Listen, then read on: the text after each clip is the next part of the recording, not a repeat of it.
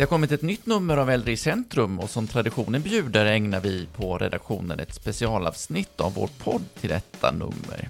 Temat har vi kallat för yrkeskunskapare och det handlar på olika sätt om kompetensförsörjning inom vård och omsorg. Men tidningen innehåller förstås mer än så. Välkommen till Äldre i centrum-podden. Jag heter Jonas Nilsson och mina redaktionskollegor är Maj Engström och eh, Micke Mildén. Det här numret kom ju till mitt under brinnande coronapandemi. Det som jag kände med när vi jobbade fram numret, det var att den påverkar arbetet i det att man inte kunde träffa någon. Det blev mycket intervjuer på digital väg. Hur upplevde ni det? Eh, för mig var det inte lika trevligt som det kunde ha varit. Det blev lite... Man fick inte samma personliga känsla. Så är det ju, såklart. Nu har jag jobbat ganska många år tycker jag, när jag bara gjort telefonintervjuer nästan. På det viset är det inte så jättestor skillnad. Och sen jag började här, jag började ju i mars då, så har det ju varit så här hela tiden. Men det är ju mycket, mycket, mycket roligare att få åka ut och träffas och ta egna foton och, och, och faktiskt lära känna varandra.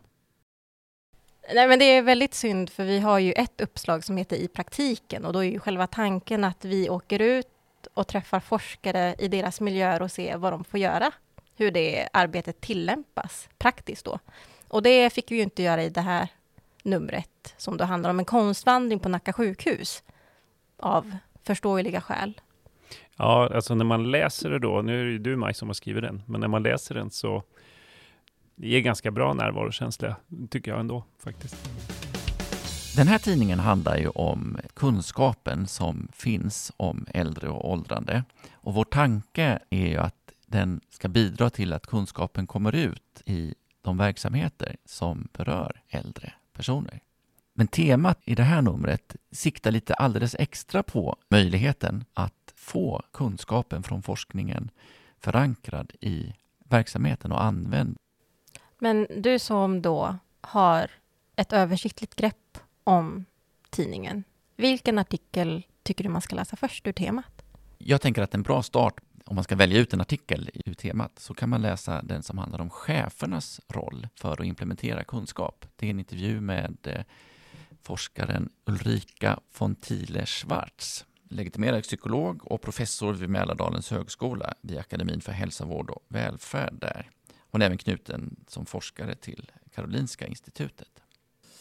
Det, det är ju så att eh, för att det ska bli en bra vård och omsorg till exempel så måste ju eh, man måste använda den senaste kunskapen. Där har chefen en stor roll i att eh, få implementeringen av den att funka. Det handlar den här intervjun om. Vad tycker du Micke att man kan eh, plocka upp från temat? Eh, jag har två artiklar som är lite lika på ett sätt. Eh, som handlar om Eh, kompetensförsörjning och att, att locka personal in till äldreomsorgen, vilket är ett, ett visst problem. Och det är Gert Alaby, heter han va? Han har tidigare jobbat på Socialstyrelsen och Kommunförbundet och han var utredare av ädelreformen och sådär. Och Göran Jonsson, som väl är den gamla metallbasen, som eh, numera är något så fint som nationell samordnare för kompetensförsörjning inom vård och omsorg av äldre. Och de har skrivit varsin artikel som på ett sätt, om man ska vara lite elak, känns som två långa önskelistor för att, för att lösa saker. Men när man skakar av sig den känslan lite så, så radar de upp egentligen vad som krävs för att faktiskt lyfta personalen och, och arbetsmiljön och arbetsvillkoren inom äldreomsorgen. Göran Jonsson tar ju ett ganska intressant exempel. Han jämför med förskolan då, som liksom tidigare kanske var mer av en barnpassning eller just en, en eh, omsorg bara på, på dagen eh, för, för barnen som har genomgått en ganska radikal förändring mot just högre kompetens och helt annan status. Och Gert Alaby då, han tar exemplet Danmark som har en helt helt, tydligen ser alltså helt annorlunda ut. Där man har en, jag vet inte om det är en legitimation, men de utexaminerar alltså tre gånger så många. Ja, om det är undersköterskor, ja, det heter ju, eh, det har ju ett speciellt dansnamn, som, som i Sverige. Eh, och det har en helt annan status och det är alltså den mest populära yrkesutbildningen som jag förstår det i, eh, i Danmark. Eh, på den nivån. Och det går ju inte ens att jämföra på samma år, känns det som, som, som läget vi har i Sverige. Eh, och det som väl stämmer till eftertanke lite nu, eller som gör det extra intressant, är väl att den här diskussionen har väl aldrig varit så stark som nu efter corona pandemin. Att nu har man börjat prata om hur viktig kompetensen är, hur viktig den här personalen är. Det visste ju alla hela tiden. Men nu så har det börjat betyda något. Så att de här två artiklarna tycker jag är väldigt, väldigt intressanta från, och, och tar upp många bra exempel. Jag tycker också att Maria Wolmesjös artikel om attraktivt och hållbart arbete i äldreomsorgen är ganska intressant. Och hon är då eh, biträdande professor i socialt arbete och forskningsledare för arbetsliv och välfärd vid Högskolan i Borås. Och hon tar upp en satsning i Göteborg som gjordes, där de försöker inkorporera lite mer, bland annat fysisk aktivitet under arbetet. Mm. Och då inte bara individuellt, utan även i grupper så att man kan knyta an till varandra, vilket var väldigt spännande. Den handlar ju om eh, att höja arbetsmiljön och göra, ge en bättre mm, grogrund för ett hållbart arbete. Precis, och det handlade till exempel om att medarbetarna skulle vara med på gemensam morgongympa eller att dans stod på schemat. Även gemensam frukost stegräknare för inspiration och föreläsning om kompetensutveckling. Tre artiklar, fyra artiklar tror jag vi har nämnt nu, som lite grann tar upp de olika punkter som, som temat handlar om. Det är då utbildning, arbetsmiljö och ledarskap. Mm. Tidningen innehåller ju en hel del annat förstås än ett tema, men vi har också några sidor som tar med oss på en vandring i eh, konstens tecken på eh, Nacka sjukhus som Maj inte har varit på då eftersom corona satte stopp för att vi skulle komma dit, men som eh, ändå ger en eh, bild av hur konst kan användas i sjukhusmiljö. Mm. Och den här konstvandringen är ju då ett initiativ från flera olika håll. Ett av de hållen var ju en sjuksköterska som jobbade på en av de geriatriska avdelningarna på Nacka sjukhus som tyckte att korridorerna var lite tråkiga och att man kanske kunde piffa upp dem och då förbättra välmåendet för patienterna. Och då kopplades kulturförvaltningen in eh, här i Stockholm och så valde man ut konst som man då satte upp det ser ju verkligen, när man läser artikeln och ser bilderna, ser det ju superfint ut. Och jag, jag vet inte om jag har missat den här känslan för hur mycket jobb som krävdes, men den känslan jag får i alla fall är ju, men varför ser det inte bara ut så här överallt? Det är ju ett väldigt unikt initiativ som faktiskt nu har tagit fart på andra ställen. De har till exempel en ungdomsavdelning där som de kommer att köpa in konst till. Ja, vad kul. För det som visade sig i forskningen som följde det här projektet var ju att det gav otroligt mycket för patienterna som befann sig på avdelningarna. De stimulerades kognitivt för att de var tvungna att tolka den här konsten ibland. Och det här är ju avdelningar där personer med demens och multisköra personer då befann sig. Att de fick den här möjligheten till att stimuleras kognitivt gjorde ju även att deras välmående ökade. Intressant. Vad har du själv fastnat för i eh, det övriga materialet i tidningen? Jag har ju fastnat för ett nytt avsnitt som vi har infört som handlar om forskningscentrum i Sverige. Och då har ju Micke varit den som initierat just det. Den här artikeln handlar om CEDAR. Kan du berätta lite mer om det kanske? Ja, jag är ju eh, ynglingen här då på arbetsplatsen och en av de första sakerna man gör när man kommer till ett nytt ämne såklart är ju att man försöker, försöker få ett grepp över fältet och sådär. Eh, och ganska fort så inser man ju att det finns ganska många forskargrupper och även centran och institutioner och sådär som håller på med äldreforskning eh, och åldrande forskning och så. Ehm, så vi kom upp med den här idén då att vi kanske ska inte bara porträttera forskare eh, som personer utan även eh, forskningsmiljöer eh, mer. Och då föll valet på CEDAR då som är ett forskningscentrum då, eller en enhet kan man säga, vid Umeå universitet.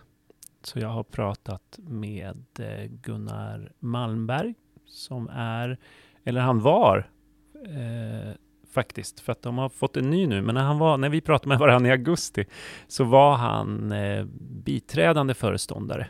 Så att han var föreståndare kan man säga för forskningsdelen av CEDAR. Vad, vad är det de håller på med? De jobbar mycket med demografisk forskning, så att de är ju kända för egentligen sina väldigt fina databaser och de har ju liksom ett ursprung i, i den här Betula-undersökningen och Västerbottensprojektet. Eh, och de har jobbat vidare med det och nu som ni känner till då Share, som är det här, den här jättestora enkätstudien eller intervjustudien med tiotusentals eh, personer i eh, 28 europeiska länder tror jag, så sköter CEDAR eh, den svenska delen. Sen finns det annan forskning, mer eh, kvalitativ forskning och så, på CEDAR också. Jag tyckte det var väldigt kul just att få se hur de är organiserade och vilka forskare som är där och från vilka ämnen de kommer. Och, och, och det hoppas jag att ni då, som är våra läsare, ska, ska tycka också. Och det kommer flera sådana här artiklar eh, framöver. I nästa nummer så tänker vi att vi ska hamna i Linköping och se vad de har för äldre åldrande forskning på det universitetet. Just det. Två av artiklarna i tidningen har, som egentligen är helt olika artiklar, men de berör samma sak. De berör anhörigproblematik. Den ena är en recension av en bok som eh, berättar om en resa genom vården som anhörig. Vår recensent säger att det är en självutlämnande skildring eh, av anhörigskapet och eh, är också lite kritisk till hur kommunernas stöd till anhöriga kommer ut. Den andra artikeln berör parboende, det vill säga den möjlighet man har, eller rättighet man har att som anhörig till en person som beviljas särskilt boende flytta med in i boendet fast man inte själv eh, har ett eh, omsorgsbehov. Det är forskaren Joy Torgé som eh, i seriestudier har undersökt lagstiftningen och dess tillämpning. Nu låter det lite, lite torrt när du säger det med lagstiftningen och dess tillämpning. Men det är väldigt intressant det här hur krångligt och tokigt det kan bli trots att man gör eh, det bästa man kan då, för partnern framför allt. Hur gör man det bäst för att det ska kännas som ens hem, fast det kommer in personal, kanske mitt i natten för att, att vårda. Eh, ja, nej, det är väldigt spännande faktiskt. En sak som framkom var just det att den som bodde ihop kunde ibland känna att privatlivet inte, inte fanns där eftersom det också var en vård och omsorgsmiljö. Och det kanske man själv, ifall man tänker efter och försöker sätta sig in i den situationen, håller med om. Och då är det väldigt viktigt för de som arbetar att förstå vad det är som de personerna kan tycka är lite jobbigt med den här situationen och kanske ta det i hänsyn. Många intressanta artiklar i eh, senaste numret av Äldre i centrum, nummer 3, 2020. Man måste vid något tillfälle slå ihop tidningen och gå vidare och det kanske vi ska göra nu. Vad tar man med sig då? Eh, jag tänker på ett citat som är ur den artikel jag nämnde tidigare med Ulrika von Thiele-Schwarz. Som ledare behöver man kunna förklara, motivera och inspirera. Och det tar jag till mig som chefredaktör, men jag tänker också att det är lite kredot för vår tidning. Vi ska förklara, motivera och inspirera till eh, användande av forskning. Vad tar du med dig, Micke? Jo, jag tänker lite på den artikeln som där vi, eller jag faktiskt, intervjuar Gunilla Fahlström som är projektledare på SBU. Som ju då, ja SBU jobbar ju med att ta fram underlag till andra myndigheter då. En del i deras arbete är en databas över kunskapsluckor inom då medicin och vård och eh, socialtjänst.